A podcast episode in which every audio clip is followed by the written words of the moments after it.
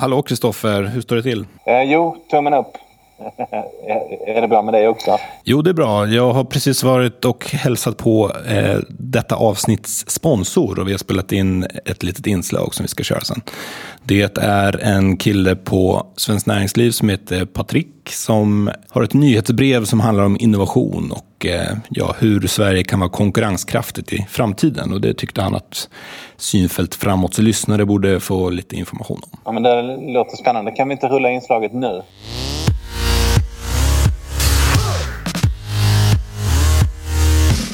Hej Patrik! Eh, kul att du vill sponsra Synfält framåt. Eh, du har ett nyhetsbrev som du vill pusha för. Vad handlar nyhetsbrevet om? Just det. Det heter Kunskap och innovation och utkommer en gång i veckan varje måndag. Och i nyhetsbrevet skriver vi om nyheter som rör kunskapssamhället, forskning, utbildning, företagande och hur det kopplar till innovation och eh, tillväxt. Men eh, Sverige sägs vara ganska innovativt, håller du med om det? Det håller jag med om. Det brukar eh, vara så att Sverige ligger bra till i olika rankingar men det är ju förstås en position vi vill att Sverige ska fortsätta ha och eh, bibehålla och gärna stärka Sveriges konkurrenskraft och då behövs fler innovativa företag och en bättre koppling mellan utbildning och eh, arbetsmarknad och näringsliv och en bra samverkan och en stark forskningspolitik som vi tycker behöver ha en, en långsiktigt fokus. Och det här kan man läsa mer om i ditt nyhetsbrev? Precis. Kunskap och innovation är ett av Svenskt Näringslivs nyhetsbrev. Det utkommer varje måndag. Vi försöker lyfta fram både svenska nyheter och internationella nyheter. Nu inför valet så har vi en special med partiledare och andra representanter från riksdagspartierna som ger sin syn på forskningspolitiken, dess betydelse för tillväxt och de utmaningar som Sverige har. Så man kan gå in på Svenskt Näringslivs hemsida, svensknäringsliv.se nyhetsbrev och klicka på kunskap och innovation och prenumerera där och det är gratis. Ja, jag lägger upp en länk. Finns det något intressant exempel från något annat land som Sverige borde ta efter? Ja, det finns eh, till exempel innovationspriser som har eh, använts en del i USA och andra länder där helt enkelt att här är ett problem som behöver lösas genom eh, någon typ av innovation eller uppfinning och den som gör det får då den här summan som eh, ungefär som en auktion då. Då ger man inte pengarna i förväg utan då är det upp till den som är bäst på att eh, lösa det här problemet genom innovation och nytänkande som då får det här priset. Intressant. Stort tack.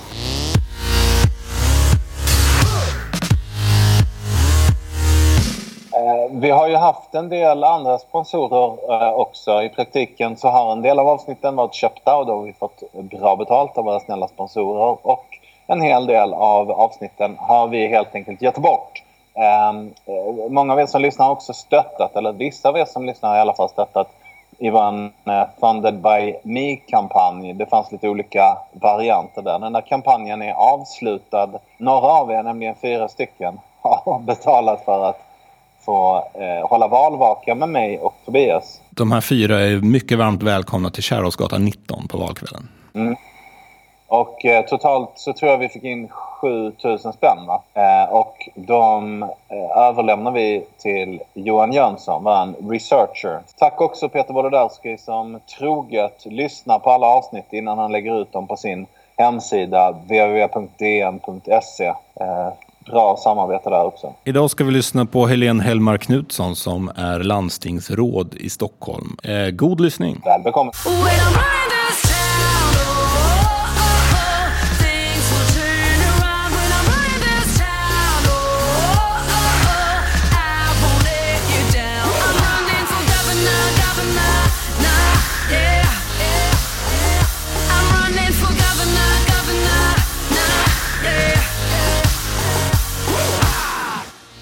Vi svenskar betalar bland världens högsta skatter. Som egen företagare så har jag ju bättre koll på det här än vad många av mina löntagande vänner har på just hur mycket av pengarna som omsätts i näringslivet som läggs rabarber på av täringslivet. Nej, Eh, inte täringslivet utan det kollektiva ansvarstagandet. Det finns ju en väldigt stor acceptans i Sverige för att våra politiker vill att vi ska vara världsledande i att lägga våra pengar i den gemensamma burken. Och den acceptansen kommer sig väl av att eh, politiker och tjänstemän här i landet är ganska duktiga på att göra bang av våra bucks. Eh, I alla fall om man jämför med andra länder. Vårt system verkar vara ganska effektivt helt enkelt. Och, och vi verkar ha en ganska väl fungerande administration. Vår sjukvård är bland den bästa i världen och den utvecklas hela tiden. Den är bättre nu än vad den var för tio år sedan. Den är förbannat mycket bättre nu än vad den var för 30 år sedan. Och ändå är sjukvården kanske det politikområde som vi tycker att vi har liksom mest behov av att ge ännu mer pengar. Jag vet inte, blir vi aldrig nöjda? Eller vad tror du, Helene Hellmark Knutsson, oppositionsfinanslandstingsråd i Stockholms läns landsting? Ja, jag tror att det är så att eh, av alla de saker som vi är beredda att ge skattepengar till för att just lösa gemensamt så är sjukvården i topp. För att det är ju precis det, på något sätt, essensen av hela den här solidariska finansieringsprincipen. Att här ska man ges vård efter behov. Det ska inte avgöra vilken plånbokstjocklek jag har för att jag ska ändå ha rätt till den allra bästa vården. Och det är därför jag tror att man, eh, man känner att är det resursbrist eller någonting annat så är man alltid beredd att betala skatt för det här. Ja, det låter ju rimligt. Hej Tobias förresten. Hej. Vi ska prata jättemycket om det där, tänker jag.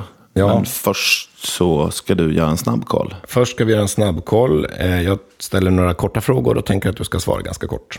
Borde staten skjuta till pengar för att kommunerna ska kunna höja lärarlönerna? Ja, Ja.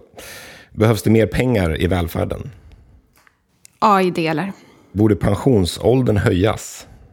Nej, Mm, det där får vi reda ut. Friår, borde det återinföras? nej, Borde vi betala mindre i kollektivtrafiken? ja, i delar. Visst är det så att hälften av SLs eh, pengar kommer från skatt? Och hälften Det stämmer. biljetter. Så sänker man priset, då måste man höja skatten, eller? Ja, eller så kan man öka antalet resande så får man in mer pengar på det sättet också. Smart. Är det ett rimligt krav att eh, man ska få samma vård i hela landet? Ja, Är bonusar till det landsting som kortar vårdköerna en bra grej? både och. Det får du gärna utveckla.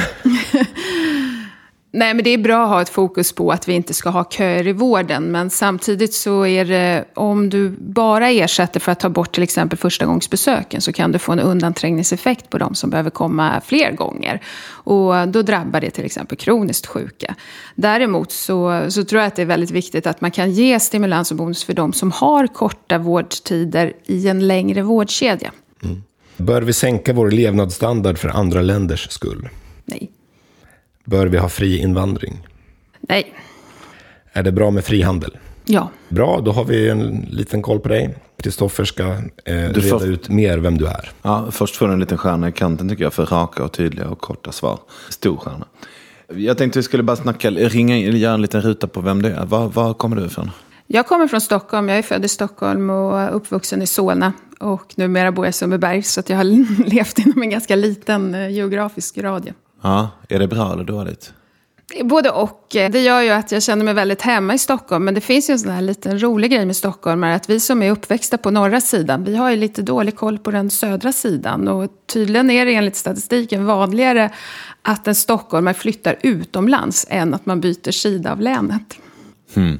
Men, eh, och Vänern och Vättern vet du inte var de ligger alltså? Ja, eh, jag har lite koll på Vättern därför att jag har släktingar både i Jönköping och Ulricehamn. Men Men innan havet Vänern som jag bor vid. ja, det är lite längre bort för mig. Ja. Jag har aldrig varit i Duvbo å andra sidan. Så Nej. att det är lugnt. Vad, vad gjorde mamma och pappa?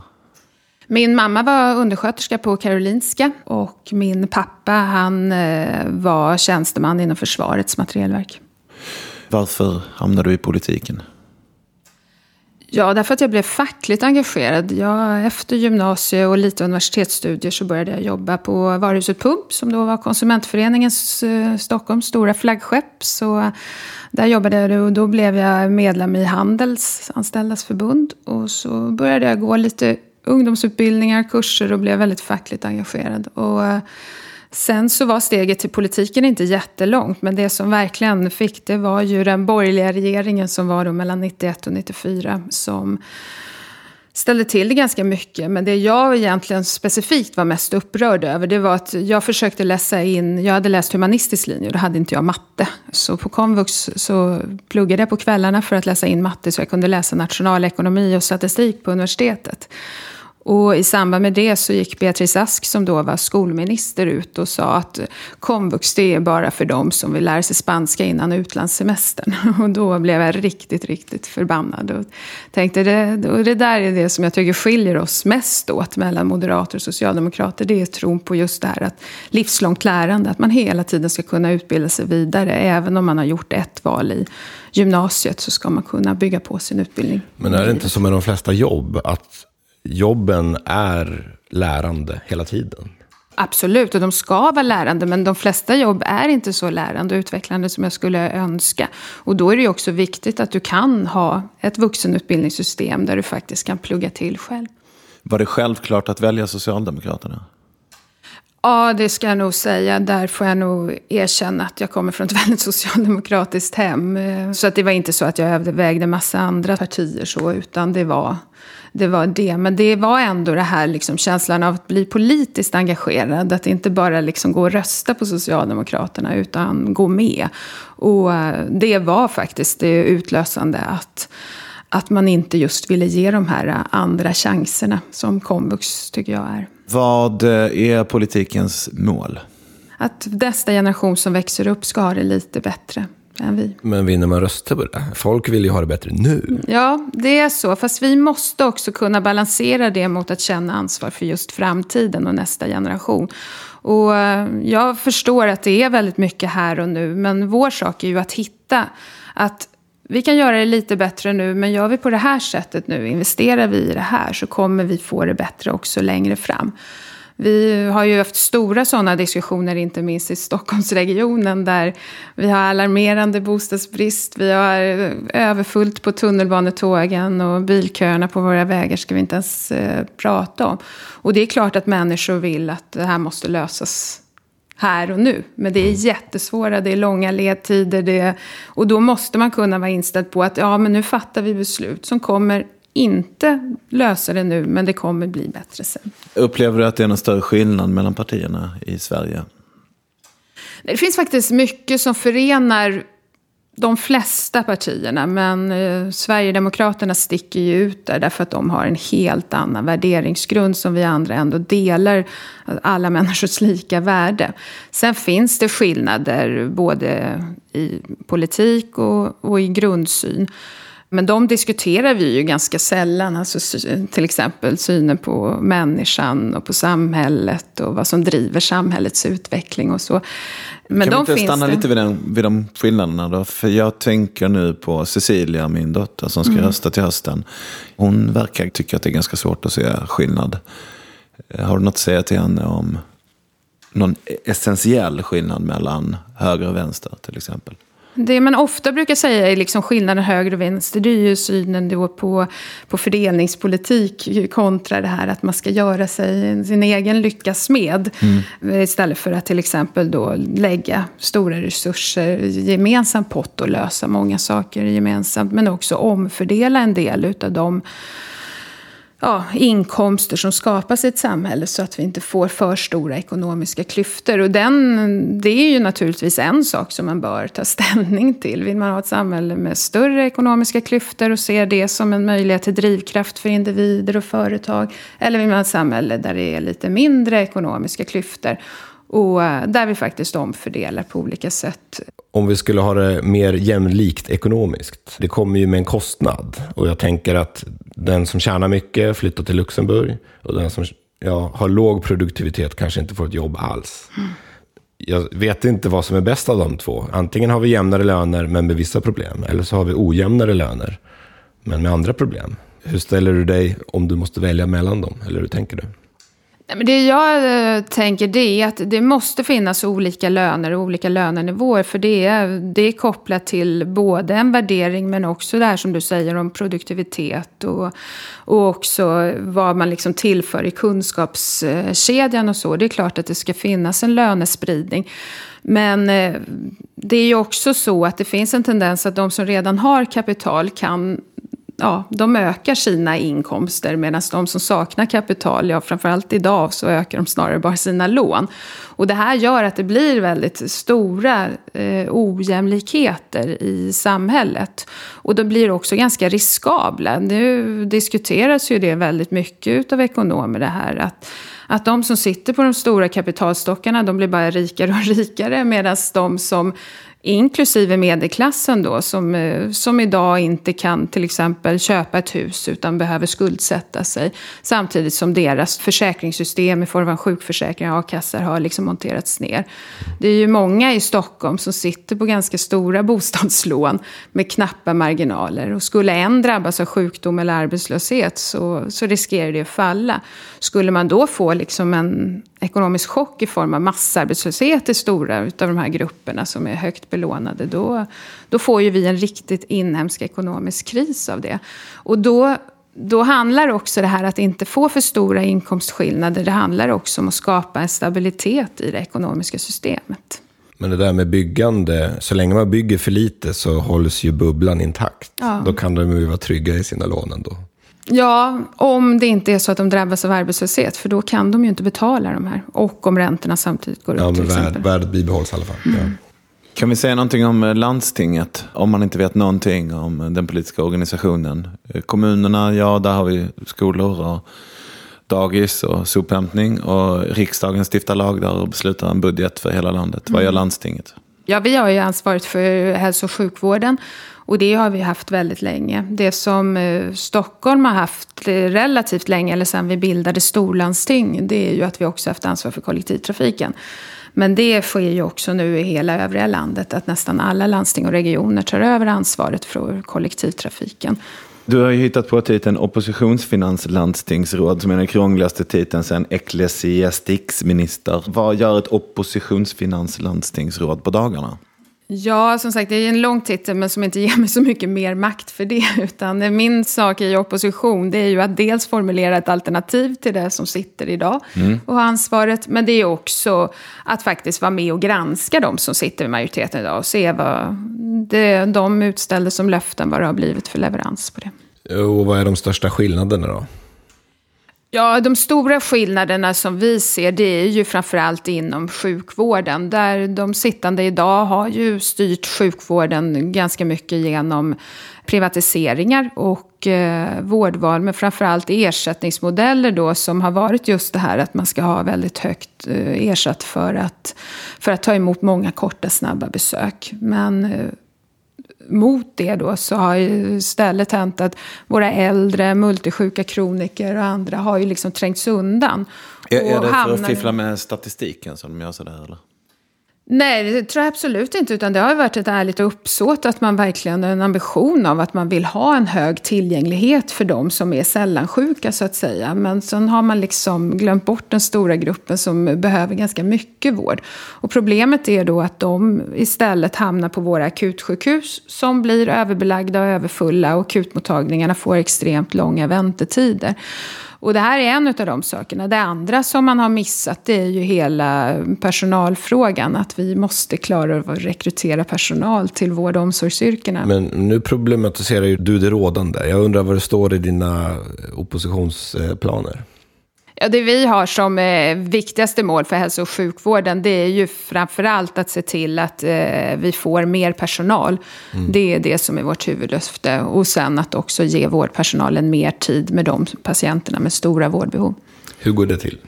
Ja, det går till genom att bland annat så att vi satsar då nationella pengar, 2 miljarder till alla landsting. Det blir 400 miljoner för Stockholms läns landsting som vi ska ha för att anställa både ny personal men också att ge bättre löneutveckling till till, till exempel sjuksköterskor och barnmorskor som vi idag har svårt att behålla och att förbättra deras deras arbetsmiljö. Det är den stora delen i det här. Det här att skapa mer tid för patienten, det handlar just om att ersätta till exempel vårdcentraler husläkarmottagningar, att om de har listade patienter med en kronisk sjukdom eller äldre multisjuka, så blir de ersatta utifrån den vårdtyngden och inte bara för hur många besök de har. Men du, eh, den här stora dyra grejen, sjukvårdsprytten, det är ju där som flest svenskar antagligen är överens om att det ska vara lika i hela landet mm. och det ska vara skattefinansierat. Och, ja, det finns stor legitimitet för att det är stort och dyrt och mm. ambitiöst.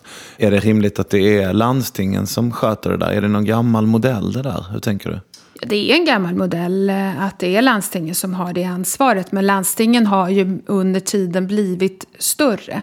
Men nu är det så att vi har 21 landsting och en del av dem är relativt små. Och eh, uppdraget i sjukvården blir ju mer och mer specialiserat. Så det behövs både en nationell samordning men det som Svegfors hade i sin utredning om just den framtida hälso och sjukvårdsorganisationen var ju också att vi skulle bilda sju till åtta sjukvårdsregioner. Och inom många sjukvårdsområden så har ju vi redan det typen av samarbetet. Och då samlar man regioner kring stora ett... universitetssjukhus. Ja, just det. Men då skulle det väl vara under ett statligt huvudmannaskap?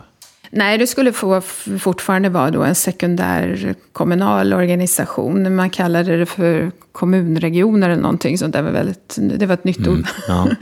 Så det skulle fortsatt vara direktval med egen beskattningsrätt. Ja, men eh, kommuner har ju ansvar för till exempel äldrevård. Och eh, när man är väldigt gammal så är man ju ofta sjuk också. Mm. Finns det inte risk för trubbel där med två olika huvudmän för samma person?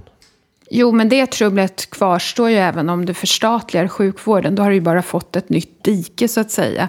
Ja, eller så tar landstinget hand om äldrevården. Eller så tar kommunerna hand om sjukvården. Men det var ju så det var förut. Vi hade ju då i landstingen det som förr i tiden kallas för långvård. Som handlade om den här ganska avancerade vården, mm. vårdboende som det var för mycket gamla och sjuka människor. Sen gjordes ju den här så kallade ädelreformen för 20 år sedan. Och då flyttade man det här ansvaret till kommunerna istället. Men det som, som jag tycker är viktigt är ju att nu behöver vi se över det här igen, hur vi samverkar mellan de här. Därför att det behövs en hög medicinsk närvaro både i äldreomsorgen om du bor hemma eller om du bor på ett boende. Och mm. det behöver vi från landstinget bidra med och nära kontakt. Men det behövs också en hög kompetens på den personal som är anställd av kommunen för äldreomsorg. Därför det är avancerad hälso och sjukvård som man har. Man har ett omsorgsuppdrag också som handlar om personlig omvårdnad och mm. så. Och det finns också ett serviceuppdrag med städning och annat, tvätt och så. Men man har också ett väldigt viktigt eh, Och så håller man väl på med teatrar och folkhögskolor och museer och delar ut vattenflaskor på olika festivaler och sånt där. Det är väl det är ganska mycket. Landstingens eh, loggor hittar jag lite här och var tycker jag. Ja, kan jo, det, kan, kan det, bli ganska, det kan bli ganska spretigt för att det är väldigt stort. Alltså, det är en stor organisation och det är väl en av de sakerna som vi visar på. Det är ju att vi måste ju ha en, också en koncernstyrning i landstinget där de olika delarna i landstinget samverkar med varandra. Eller kanske skulle ni kapa förtöjningarna till vissa små delar och så koncentrera er på folk som har fått cancer att få vård i tid. Ja, fast vi behöver ta hand om hela hälso och sjukvårdsskalan. Det är ju så mycket som hänger ihop också. Det är ju, det Nej, jag tänkte mer på teatrar och folkhögskolor. Ja, fast kulturuppdraget eh, vill jag ändå säga att jag tycker inte att det är helt eh, omöjligt att vi har, eh, vi har ett regionalt kulturuppdrag. Eh, att bara lägga det lokalt på kommunerna tror inte jag är en bra sak. Sen har vi dessutom i Stockholms läns landsting en överenskommelse med Stockholms stad om att vi har ansvar för några av de stora institutionerna. Och vi har ju då ansvaret för Konserthuset. Och det är en viktig kulturinstitution ja, i Stockholm. Absolut, det tycker alla som jobbar på vad heter det, Polar Music Prize. Mm. Som tycker om att kolla på Mirjam Makeba och sånt där. Jag har aldrig varit där. Men eh, skit i det, det får finnas. Men landstingsfullmäktige, heter det så? Mm. Var håller ni till någonstans? Vi eh, sitter på Hantverkargatan i ett gammalt fint sjukhushus. Mm. Garnisonssjukhus. Kanske inte de mest effektiva lokalerna. Och våra förvaltningar sitter inte där, det vill säga tjänstemännen. Utan de sitter utspridda i mer eller mindre effektiva kontorslokaler runt om på stan. Så det är politiken som finns där och det är också där politiken sammanträder i landstingssalen. Och det är ett heltidsarbete för dig att jobba där? Ja, det är det. Vad har du för lön? 106 000 i månaden. Stackarn, men du har bostadsbidrag och sådär i alla fall. Ja. Det är väldigt hög, höga arvoden som vi jag tycker det är lite intressant. Man eh, kritiserar ofta det här med att vara Europaparlamentariker. Man åker dit och så får man guppa runt i flera år och få hög lön. Men ingen ser än. Mm. Så det skulle vara väldigt bekvämt. Men jag tänker att, att vara landstingspolitiker måste vara ännu mer bekvämt. Man får ganska hög lön, men de flesta känner inte till särskilt många landstingspolitiker. Nej, men det tycker jag är tråkigt att vi inte är mer kända. Jag skulle gärna ha en mycket närmare relation. Nu tycker jag landstingspolitiken, i alla fall i Stockholm, har kommit väldigt mycket mer på agendan. Därför att det har varit mycket diskussioner om hur sjukvården fungerar, hur vi ska möta ett snabbt växande Stockholm. Mm. Och det har varit väldigt mycket kring eh, SL-trafiken också, med pendeltåg som inte går och tunnelbanor som inte byggs ut och sådär. Så att det, jag tycker att det har hamnat i fokus. Men jag, jag kan ju säga som har varit kommunalråd i många, många år. Att jag skulle gärna ha en, mer ja, eh, nära relation med väljarna. Att de faktiskt visste vem man var. Det skulle jag tycka var positivt. Ja. Ja, det känns väl som en parentes, men uh, Ulla Hamilton deltog i någon slags chattintervju på Svenska Dagbladet. Och hon fick bara frågor om sjukvård och lo lokaltrafik. Så väljarna verkar inte veta vem som är ansvarig för vad. Nej, och det är ju lite så att trots att landstinget har de här två jätteviktiga frågorna, kollektivtrafiken som varenda stockholmare möter, tror jag, varje och dag i vardagen, och har starka åsikter om allt ifrån eh, hur biljettsystem fungerar till när tågen går och inte går. Men också sjukvården som alla väljare, oavsett vad, listar alltid topp tre som de viktigaste mm. frågorna. Och ändå blir landstingsvalet liksom det glömda valet Varför? på något sätt sätt. Ja, jag tror att det är så att man, man har en väldigt nära relation ofta till sin kommun och man känner till, kanske inte så mycket i Stockholm som ute i landet, men där känner man ju verkligen till vem som är kommunalrådet. Och sen vet man rikspolitiken, man vet vilka som är partiledare. Man ja, vet vi är överens om det, men varför? Nej, men då blir det här som att det blir en nivå som inte riktigt eh, fångas upp, kanske vare sig i media. Och det är också ganska stora frågor som sjukvård och kollektivtrafik. Där det är svårt att eh, ibland kanske se exakt vad är det som skiljer åt mellan de olika partierna. Det finns ju liksom skillnad i grundförtroende för partierna i de här olika eh, frågorna. Men jag tror att man tycker de är ganska svåra och komplexa. Även om man har mycket åsikter om dem. Hur många sitter i landstingsfullmäktige? 149. Hur många av dem är, ja, har lön för att jobba heltid? Heltidslandstingsråd så har vi 13 eh, stycken. Och de övriga, de kommer bara in på? Ja, men sen finns det också de som har olika typer av ordförandearvoden på årsbasis. Men de är fritidspolitiker. Hur mycket är er budget per år? Den vi omsätter 8 82 miljarder ungefär oh. varje år. Det är en jättebudget. Åh oh, fan. Ja, det kan man säga. Det är nästan mm. hisnande. Jag kommer ja. från en relativt liten kommun, eh, Sundbyberg, då, med Stockholms mått mätt. Det är ändå 42 000 människor som bor där. Men då, på den tiden, när jag var kommunalråd, då omsatte vi lite drygt en och en halv miljard. Och det tyckte man var en riktigt stor budget. Och så kommer mm. man till det här, det är en hisnande summa. Men när det är så stora summor, är det inte lätt att det blir så att det går 500 miljoner hit och dit till någonting som inte egentligen behövs? Tyvärr tycker jag faktiskt att det är så att man ibland blir lite blind för hur många nollor det här verkligen handlar om. Jag kan säga som sagt som man kommer från kommunpolitiken där man ibland gjorde satsningar på någon miljon eller 500 000 och sådär. Så helt plötsligt här så blir det nästan ofattbara summor och det gäller inte minst våra investeringar. När vi investerar då till exempel i nya spår eller investerar i sjukhusen så blir det enorma summor. Och att hålla det effektivt, det är en väldigt viktig uppgift. För nu drar kostnaderna iväg och kostnadsutvecklingen är rekordhög. Får jag göra en liten till snabbkoll om investeringar? Ja. ja, du nämner ju investeringar. Det som är dyrt kan jag tänka mig, det handlar ju ofta om infrastruktur. Tycker du till exempel att eh, Förbifart Stockholm är en bra idé? Ja. Spårväg City, var det bra? Nej. Varför var det inte bra? Nej, därför att eh, när vi har sådana behov att bygga ut kollektivtrafiken så måste vi satsa på det som faktiskt ger nya resenärer så att vi också får nya biljettintäkter så att allting inte ska behöva skattefinansieras men också för att vi ska nå våra klimatmål och eh, minska trängseln på våra vägar. Mm. Och Spårväg City den flyttade egentligen, vi hade ju en busslinje som gick där. Ja. Och nu har vi flyttat dem passagerarna till en spårvägslinje för väldigt många miljoner. Och det gör att kostnaderna har ökat utan att vi har fått egentligen fler resenärer. Utbyggd tunnelbana då? Mm. Är det bra? Ja. ja. En österled, är det bra? Ja, på sikt. Jag tycker i alla fall att man ska titta på det. Allt som leder till att vi får en bättre fungerande infrastruktur i Stockholm tycker jag man ska titta på. Men för oss och för mig är det mer prioriterat med tunnelbaneutbyggnaden i det här läget. Ja. Och Slussen måste vi nämna också. Det älskar alla stockholmare.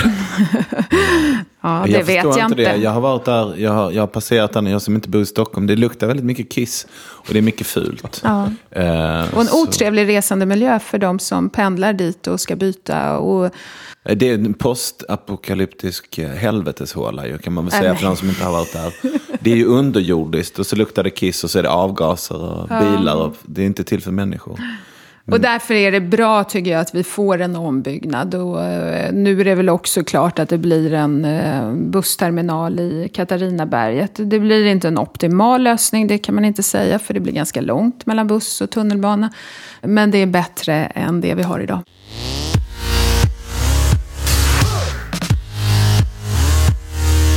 Vi tänkte prata lite extra om välfärd och vi kom in på det lite grann. Till att börja med, vad definierar du som välfärd? Jag definierar framförallt vård, skola och omsorg som välfärd tillsammans med våra socialförsäkringssystem. Det är ju, måste ju vara hälften av... Eh... Ja, mer tänkte jag säga. Det är jättemycket. Ja, mycket pengar. Mm. Om vi tänker just på sjukvård, då sägs det att vi kommer behöva betala mer för den med tanke på att vi lever allt längre. Är det något du håller med om? Nej, faktiskt inte. Eller det är klart att i faktiska pengar blir det ju mer därför att vi får in mer skatteintäkter när vi blir fler och lönerna stiger och så. Men i andel av BNP, för det är ju ofta det man refererar till, så ja, det kan behövas höjas. Men det är inte säkert att det är hälso och sjukvården som behöver det. Den har väldigt mycket resurser, men vi måste använda det på effektiva sätt. Och då ja. finns det en sån här liksom kedja från att rädda liv till att man eh, behandlar och tar hand om kroniskt sjuka till att man jobbar förebyggande. Man får bättre överlevnadssiffror. Då omvandlas ju det till kroniska sjukdomar väldigt ofta. Mm. Och då lever man längre, men man lever också med ett sjukdomstillstånd. Och då ska man kanske inte alltid ta hand om det på ett akutsjukhus. Utan då ska man ta hand om det på en specialistnivå som kanske finns närmare patienterna. Och då blir vården effektivare. Så det som i dagens till exempel läkemedelsforskning eller som idag räknas som väldigt avancerad vård. Det kommer ju vi kunna föra ut längre ut. Det blir ju liksom morgondagens dagliga vård av de här människorna. Och då sjunker faktiskt kostnaderna i förhållande till det här. Så att sjukvården har en väldigt stor omvandlingstakt tack vare att vi lär oss nya, ny teknik, nya läkemedel, nya behandlingsmetoder. Mm. Så att vi lever längre, det är i grunden någonting jättepositivt och som bygger på sjukvårdens utveckling. Yeah. Men jag har sagt det, så när sjukvården klarar mer så måste vi också klara mer. Men då måste vi göra det på rätt nivå så att vi inte fortsätter att behandla icke livshotande sjukdomar som akutsjukvård utan just som specialistsjukvård. Eller till och med på vårdcentraler. Jo, men det har ju sagts att eh, kostnaden för sjukvård skulle gå upp ganska mycket. Men jag utgår ifrån att då har man inte räknat med någon effektivitetsutveckling. Och så samkör man det mot livslängd. Och det är mm. klart att det blir dyrare. Mm. Men det är ju ett ganska fult sätt att mäta då kanske. Ja, precis. Och det, det jag tycker det är just det där att sjukvården har en ganska hög mått av eh, effektiviseringspotential just därför att man lär sig så mycket och det utvecklas. och och förbättras. Och det är ju någonting i grunden vi ska vara glada i. Det gäller bara att hålla i det där utvecklingstrycket. Nu har det varit väldigt mycket fokus på liksom vårdproduktionen, korta köerna, öka tillgängligheten och det är bra. Men vi får inte tappa bort att vi hela tiden också måste forska, utveckla, hitta nya metoder. Och det måste man skapa tid och utrymme för i Finns vården. det incitament för att bli mer effektiv? Ja, nu har som sagt det varit mer att bli mer produktiv, alltså ta mer patienter och eh, kortare och liksom så. Och det har också varit bra, men eh, som sagt effektivitet handlar ju faktiskt om att jobba liksom på ett nytt sätt så att man får mer gjort av det som man vill uppnå. Och det skiljer sig lite då från produktiviteten som handlar bara om att liksom springa lite fortare eller göra lite mer. Men om du skulle få 99 procent av alla röster, vad skulle du göra för att få upp effektiviteten?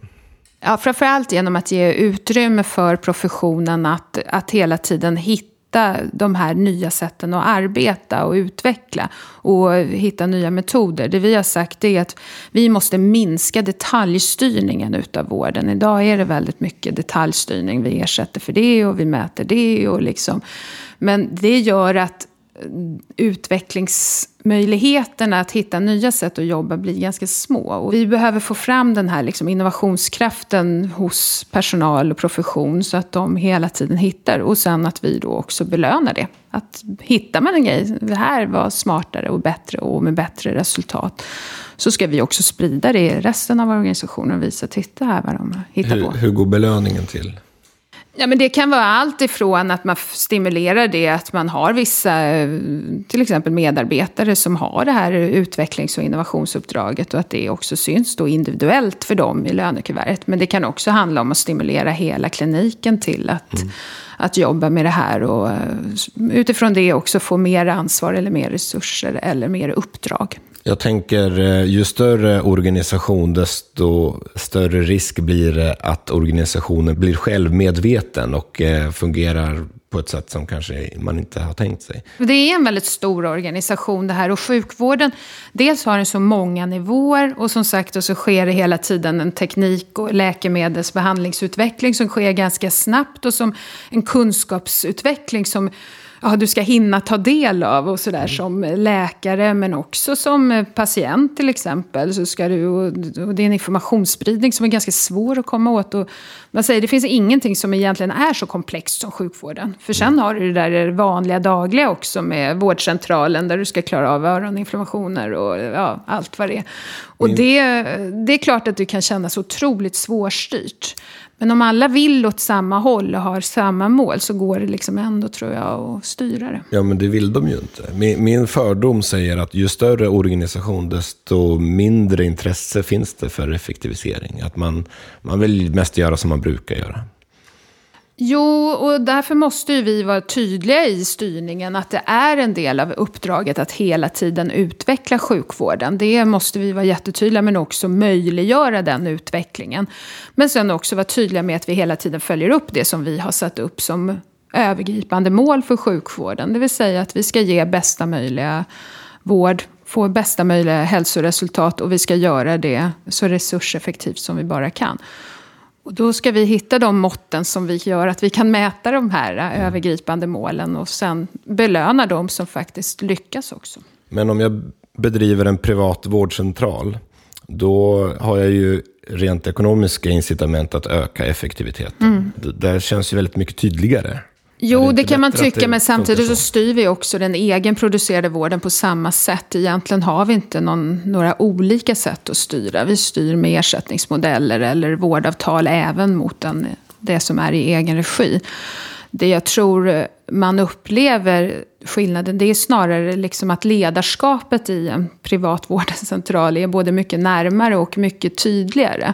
Medan på ett stort sjukhus som drivs av oss själva så kan man uppleva att det finns väldigt många beslutshierarkier men det är aldrig någon som är ansvarig för någonting. Äh, jag, och jag det tror jag skapar en jättefrustration hos människor som just vill förändra, utveckla och förbättra för sina patienter.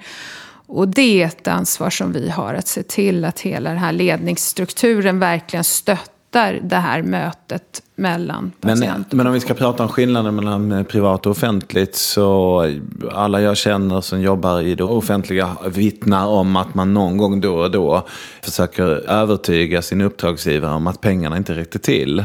Man eh, gör stora inköp i slutet av året eller man, ja, men det, det, det finns ett egenintresse i att eh, den egna organisationen ska vara kvar eller att inte man ska bli av med arbetstillfällen eller så. Det tycker jag verkar vara ett jätteproblem som borde lösas i ett roll trollslag när mm. de här eh, blir privata istället? Hur tänker du om det?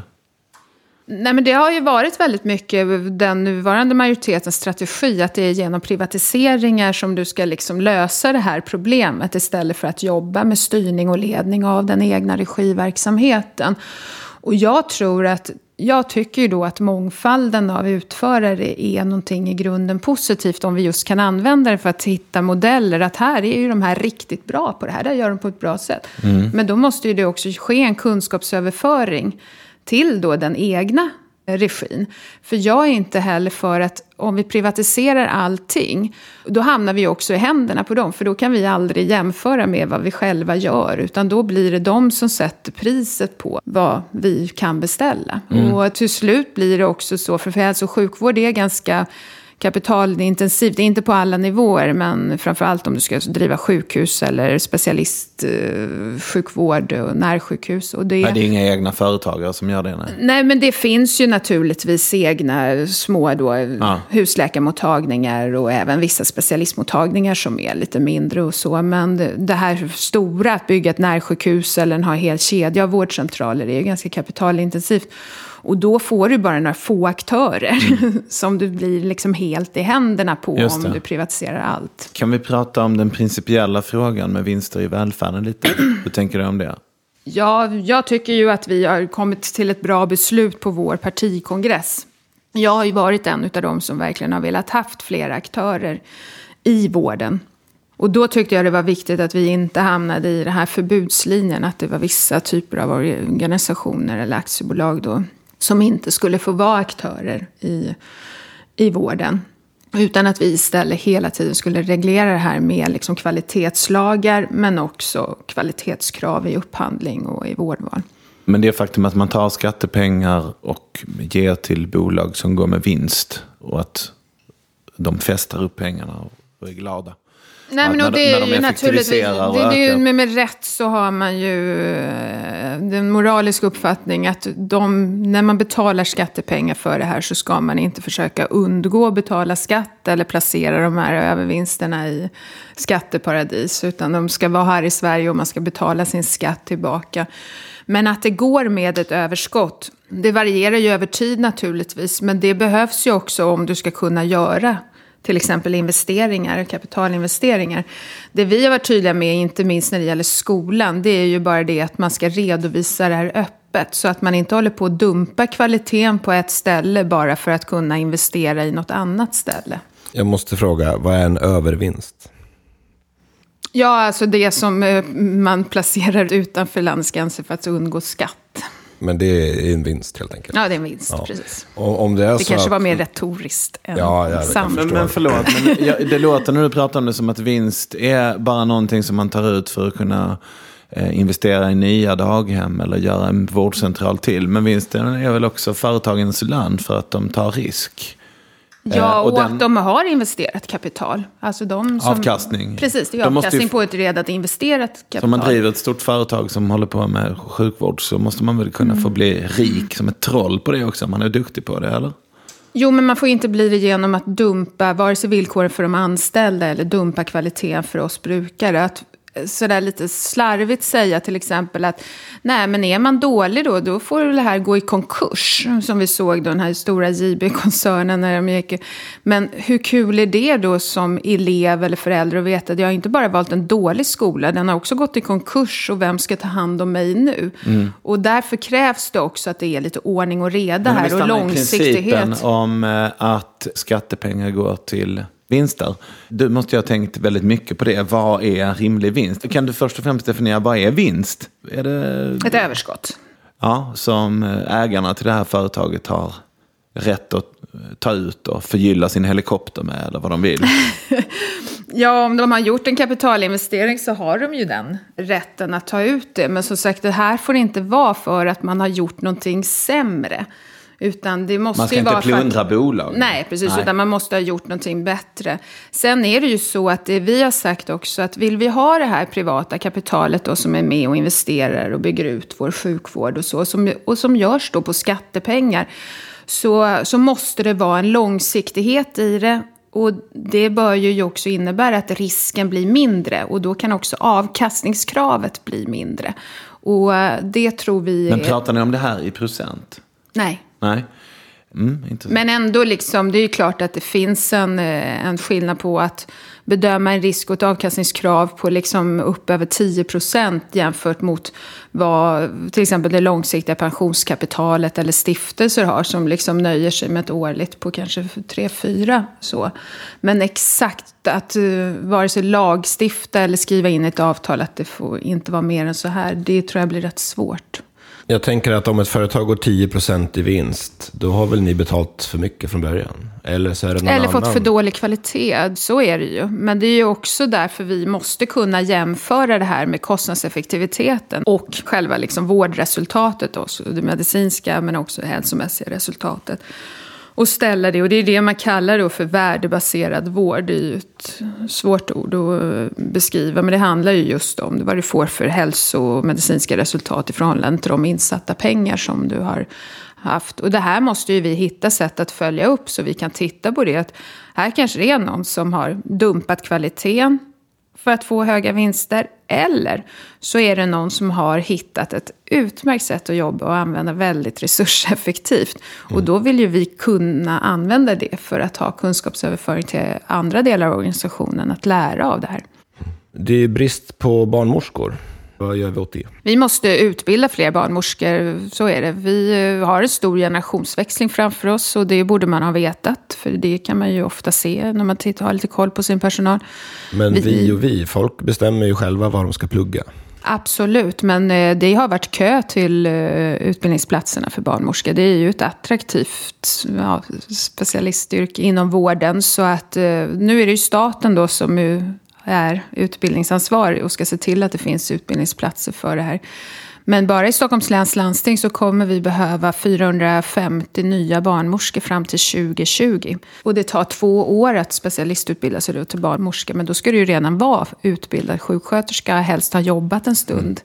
däremellan. Sen är det ju också så att barnmorska är ju även om du har fått utbildningen så för att bli riktigt bra så måste du också få en bra handledning och introduktion i yrket och sen jobba upp liksom kunskapen.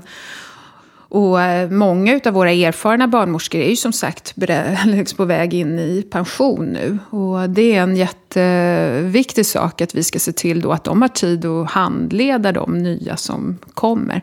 Men sen måste vi förbättra både arbetsmiljö och löneutveckling för att det här ska kunna gå. I Stockholm finns det ett privat BB som eh, har rekryterat ganska många barnmorskor från landstinget. Mm. Och det där är ju lite problematiskt för landstinget kanske, men det borde ju vara ganska bra för barnmorskorna. För att när ni slåss om dem så lär ju deras löner gå upp, tänker jag. Ja, och arbetsvillkoren förändras också just därför att det blir ett sätt att eh, rekrytera barnmorskor. Problemet är ju att det blir ingen kapacitetshöjning för stockholmarna. Därför det blir liksom ett nollsummespel. När det inte finns fler barnmorskor att tillgå mm. så får du mindre kapacitet på de kliniker som man rekryterar barnmorskor ifrån. Och därför så har vi ju fortsatt förlossningskris trots att man har öppnat en ny klinik. Mm. Eh, och det är det som jag tycker är grundproblemet, att man inte har haft en personalförsörjningsplan för att öka kapaciteten. Kan vi sätta en siffra på det? Hur många barn är det som inte föds varje år för att inte det finns några Nej, men vi vet ju hur många som blir hänvisade. Vi har ju, de åker runt, är det det? Åker de taxi till Uppsala? Ja, exakt. Mm. Och det är ju väldigt stressande för för de som ska föda att inte få komma in där de mm. har valt eller tänkt sig och att vara i ganska kanske aktivt födselarbete och så ska du slussas runt i det här. Och Stockholm är ju alltså sämst när det gäller förlossningsskador. Alltså vi, vi är de som har högst andel förlossningsskador och det, det tror jag har att göra med en viss stressfull liksom, situation. Vi måste ju ändra på det här och då krävs det väldigt många fler saker än att bara låta nya privata kliniker öppna. Det som jag tror också var väldigt attraktivt för barnmorskorna när det gäller BB Sofia, det var ju också att det var en barnmorskeledd klinik. Mm. Apropå vinst i välfärden, det sägs ju råda någon slags vänstervåg. Och stora grupper i Socialdemokraterna gillar ju inte det där med vinst i välfärden. Och eh, de partierna som ni då förmodligen kommer samarbeta med, de gillar ju inte heller vinst i välfärden. Vad, vad tror du händer efter valet egentligen?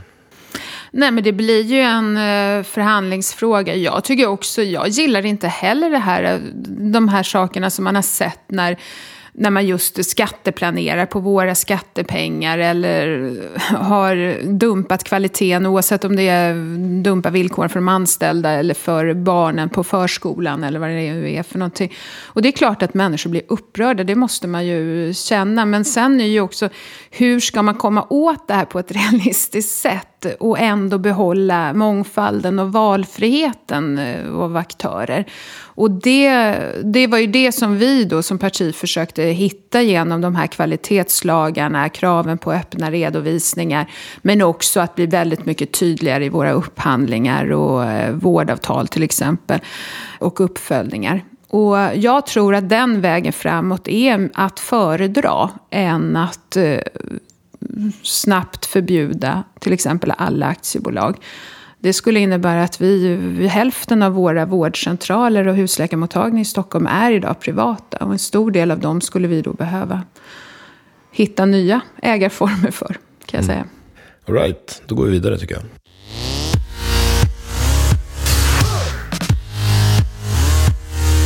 Vad är det viktigaste för att vara en bra politiker? Är det vad man har för värderingar eller är det vad man har för kunskapsnivå? Jag tror att det är en kombination av det, men du måste ju också, tror jag, för att vara en riktigt bra politiker så... Det var en binär fråga. Vad är viktigast? Är det värderingarna eller är det kunskapsnivån? Ja, i grunden måste du ha värderingar. Va? Jo, eh, det kan jag hålla med om. Vi ska göra en liten enkel moralkoll på dig. Kan det vara okej okay att sno mat om man är riktigt hungrig? Nej, det måste finnas en annan lösning. Kan det vara okej okay att eh, döda djur? Ja. De är ju också, ja, man får ha ihjäl dem. Får man ha ihjäl dem för att man tycker det är roligt också? Eller är det bara när man ska äta eller fryser? Jag tycker inte att man ska ägna sig åt nöjesjakt, nej. Men är det okej okay att ha päls? Nej, jag tycker att det finns andra alternativ. Nej, det vet vi att det gör. Gore-Tex till exempel. Men det är väldigt populärt med skinnjackor också. Ja, precis. Men du är emot skinnjackor? Nej, absolut inte. Men det är ju... Så du är för skinnjackor? Ja, det kan man nog säga. Ja. Kan det vara okej att köpa ut alkohol till sin 19-åring som tar studenten? Nej, det tycker jag inte. Men 19-åringen är ju bara en lite äldre 18-åring. De är ju myndiga och får mm. sitta på krogen och dricka mycket de vill. Men då får de göra det i det sociala sammanhanget. Har vi som är ett rikt land en moralisk skyldighet att hjälpa fattiglappar runt om i världen som lever i diktaturer eller så? Ja, jag tycker absolut att vi har ett, eh, ett ansvar för att se till att vi får en bättre utveckling i hela världen. Tycker du att vi tar det ansvaret nu? Ja, delvis tycker jag att vi gör det. Men det går säkert att göra ännu bättre. Och inte minst genom samordnas med andra delar av det som mm. är rik, rika världar. Bör man ge pengar till tiggare? Ja, jag tycker det är ett individuellt, men det är ingen långsiktig lösning. Du behöver hitta annat också. Kan det vara okej okay att ta lite knark? Nej, jag tycker inte Jag har hört att man kan bli väldigt glad av det. ja, det har jag också hört. Men det är inte lagligt. Mm, men borde det inte vara upp till individen själv om man vill skada sig? Nej, därför att kostnaderna blir också samhälleliga till slut. Mm. Därför måste vi ha regleringar kring det. Ja, okej. Okay. Ja, du verkar ju vara vettig tycker jag. Men vad kan du? Detta ska vi mäta nu. Jag kommer ge dig några påståenden och du får säga om du tror att det är sant eller falskt. Mm. Mellan 2020 och 2035 kommer antalet personer i Sverige som är över 85 öka med 67 procent. Ja, det är sant. Det är sant, ja. IMF beräknar att Sveriges kostnader för sjukvård som andel av BNP kommer öka näst mest av alla industrialiserade länder de närmsta 20 åren. Ja, det är sant. Nej, det är inte sant. Mm. Våra kostnader kommer endast öka med 0,3 procent. Det var positivt. Men det ska väl eh, tas med en nypa salt. Det finns ju olika sätt att prognostisera såklart. Ja, SKL har kommit fram till lite annat. Jag trodde att det var det just därför att vi har en ganska låg andel av BNP idag jämfört mot andra länder. Ja, det är sant. Amerikanerna betalar dubbelt så mycket Exakt. av BNP jämfört med oss, till exempel. 26 procent av Sveriges befolkning har fetma. Ja. Det är falskt. Endast 14 procent hade fetma, mm. en ökning från 11 procent jämfört med 2004. Den genomsnittliga kötiden för en hyreslägenhet i Stockholm är 4,2 år. Nej, det är fast. Det är sant om det hade varit 2006. Det tar 7,2 år. Mm. Över 400 000 personer beräknas stå i kö. Mm. Ett månadskort hos SL kostar lika mycket som 55 liter bensin. Ja, det stämmer. Det stämmer. Men 1998 eh, fick man 42 eh, liter bensin för månadskortet. Mm. Och bilarna blir ju effektivare också. Så relativt sett så är det billigare att åka bil med. Bland EU-länderna är Nederländerna nöjdast med sin sjukvård. Eh, Ja, det kan nog stämma. Det stämmer bra. De självmedicinerar väldigt mycket också. De tar stort individuellt ansvar för att må bra. Bland annat jazztobak.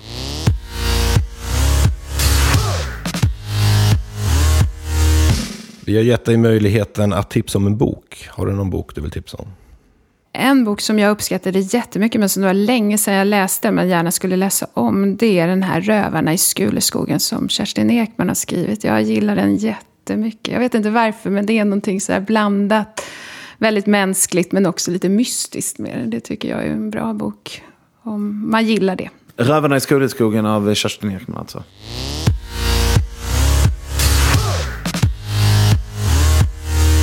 Du ska få en present.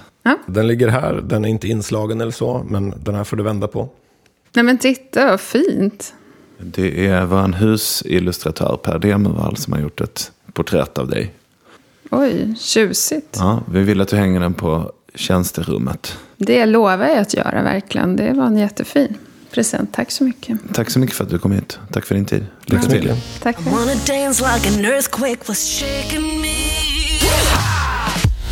I'm gonna sing like my heroes were with me.